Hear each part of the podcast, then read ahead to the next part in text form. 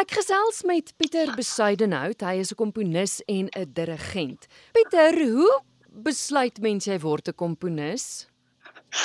Dit is dit is nogal 'n goeie vraag. Ek dink ehm um, vir baie mense is dit 'n roeping. Dit is iets wat mense besef oor tyd. Ek dink mense vind aanklank by jou vermoë om musiek te kan skryf of deur 'n medium van klank jouself te kan uitdruk en dan ehm um, oor tyd dink ek word jy maar 'n komponis. Dit is die goeie vraag wat ek en my komponisvriende altyd mekaar vra is wanneer besluit mens mense is nou eintlik 'n komponis?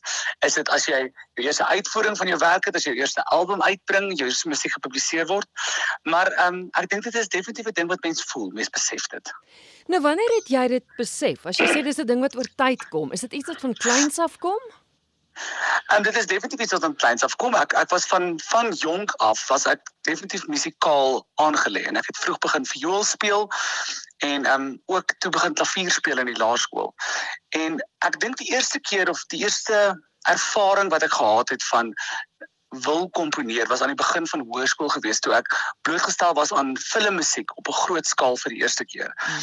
En die vermoë van daai komponiste om 'n wêreld vas te vang met klank het my regtig geïnspireer en ek dink van daai dae af het my um, kop in daai rigting gegaan en ek het definitief begin skryf. Um, al was dit nou net vir die pret daarvan. En ek dink in standaard 9 wanneer jy nou met jou vakke kies en jou jou rigting wat jy nou wil gaan swat en goed soos dit. Toe onthou ek baie spesifiek het ek nog vir my ma gesê ek wil baie graag musiek gaan swat. En soos meeste ouers wat se kinders dit maar seker vir hulle sê was hulle toe nou nee, jy kan nie jy moet nou jy moet 'n jy moet 'n regte werk kry soos 'n rekenkundige of 'n dokter of iets soos dit. En ehm um, toe wat daar groot gestryery en goeie soos dit. Maar toe in matriek, toe het ek besluit om aan 'n komposisie kompetisie deel te neem. En ehm um, toe het ek gewen. En die eerste ding wat ek toe met die prysgeld koop was eintlik toe 'n punt wat ek toe vir my pa bewys want hy het vir my gesê toe ek gesê het ek wil musiek gaan swat, toe sê hy dat ja maar nou gaan jy op die brood op die tafel sit. En toe nou die eerste ding wat ek toe nou koop met my prysgeld was toe nou 'n brood gewees. en en toe vat ek vir hom 'n brood. En toe na dit toe was hulle bietjie meer oortuig dat ek dit kan gaan swat, ja. So jy het musiek gaan studeer. Ek het musiek gaan studeer by Tikkies, ja. En ehm um, ek het maar van daar af heeltyd deur gekomponeer. Ek dink mense mense het komposisie as 'n rigting en mense werk aan dit. Maar ek dink die gemeenskap wat mense ontmoet deur by universiteite wees en aan kore en ensembles blootgestel te word, help mense baie verder in jou lewe om 'n netwerk te bou van mense wat musiek nodig het. Want ek weet nie of jy dit weet nie, maar daar's nie noodwendig so baie komponiste hmm. oral beskikbaar om musiek te skryf vir mense. Pieter, het mens die luukse om te gaan en te sê ek skryf net koormusiek of ek skryf net vir ensembles? Eh, is daar so luukse in of moet jy eintlik alles kan doen? Ek ek dink daar is sekere komponiste, ek dink wat net vir een genre skryf. Ek dink baie keer en veral in vandag dat dit kry mens baie mense wat uitsluitlik byvoorbeeld filmmusiek skryf. Um in die wêreld waar ek uitkom, ek kom uit 'n groot koorwêreld uit omdat ek ook 'n koordirigent is is daar baie komponiste wat uitsluitlik vir daai medium skryf omdat ek dink koor 'n baie toeganklike medium is vir mense om jou musiek te ervaar en omdat dit ook um vir meeste mense wat van koor hou um 'n baie lekker ervaring is om daai musiek te kan skryf. My persoonlike opinie is dat ek dink mense moet soveel suidig as moontlik as 'n komponis wees. Vir my om bevrediging daaruit te kry. Ek beskou altyd myself nooit as 'n verskriklike ek is 'n baie kreatiewe mens, maar as ek 'n projek aanpak, dan dink ek aan myself meer dis soos 'n ambag. Iemand kom na jou toe en hulle het 'n hulle het 'n gebreekte toilet of 'n oond en hulle vra vir jou om hom reg te maak en jy moet hom jy moet hom regmaak. Hmm. So daar was al baie situasies gewees waar iemand my gevra het om musiek te skryf vir die harp of vir vreemde instrumente en dan het jy geen idee hoe om dit te doen nie, maar jy sê ja, ek doen dit en dan gaan leer jy hoe om dit te doen. So het jy 'n gunsteling? 'n Gunsteling genre? Ja. Ag, dit is dit is baie moeilik om te sê. Ehm um, ek dink definitief koor is baie hoog daarbo. Maar ehm um, ek dink ek het 'n baie sagte plek vir die klarinet. Ehm um, ek dink mes klarinet musiek is definitief iets wat na my hart lê. So dalk instrumentele musiek is dalk een van my gunsteling forme. Ek dink dit is ook ehm um, my album wat ek onlangs uitgebring het, het net instrumentele musiek amper op. Ehm um, omdat ek dink dit is 'n 'n genre wat ek nie elke dag beoefen nie, maar wat ek eintlik die die liefste vir is. Dis my altyd interessant om vir 'n komponis te vra uh, hulle proses, hoe hulle komponeer. Hoe werk ja. joune? Kry jy dit in jou slaap?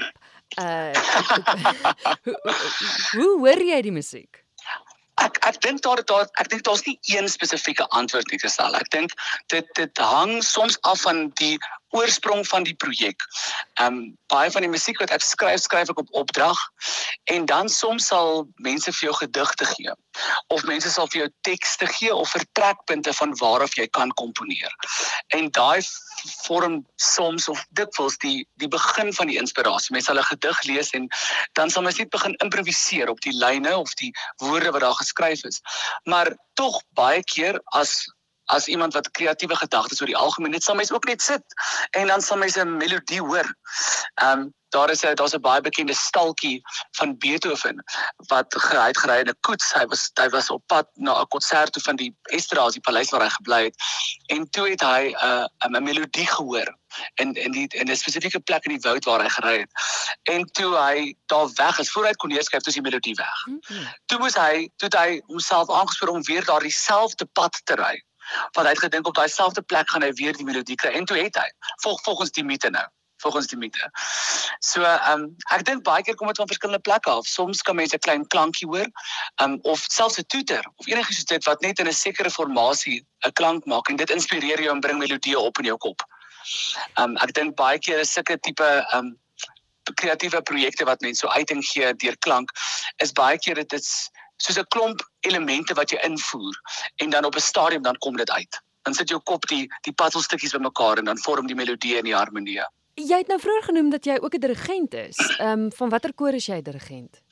Ehm um, ek is 'n ek het 'n volwasse kamerkoor die Horizons Project koor en dan het ek ook drie hoërskoolkore wat ek in Pretoria dirigeer wat vir my nogal baie vreugde gee ek moet sê ek, ek geniet dit verskriklik baie om met mense van verskillende ouderdomme te werk as 'n dirigent.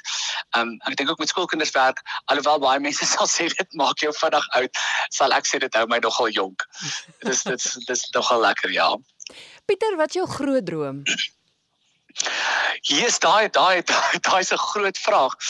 Ek ek dink dat my groot droom sal wees om projekte te kan doen wat vir my vervullend is oor die, oor die oor die algemeen of spesifiek net. Ek dink as 'n komponis en veral vir dag se wêreld sal mens baie keer moet mens ehm um, projekte of ehm um, opdragte doen wat nie altyd noodwendig so na in jou hart lê nie, maar dit dit help jou om dit te doen wat jy wat jy wil. Ek dink as 'n komponis sal ek baie graag wil begin um werk na groter werke skryf soos simfonieë of groter werke vir orkes en koor. Um ek dink deel van my droom is ook veral in die Suid-Afrikaanse konteks um, om miskien musiek te skryf wat toeganklik is en wat musiek skryf wat bietjie meer oor die kulturele um grense gaan van wat mense altyd dink klassieke musiek in ons land is.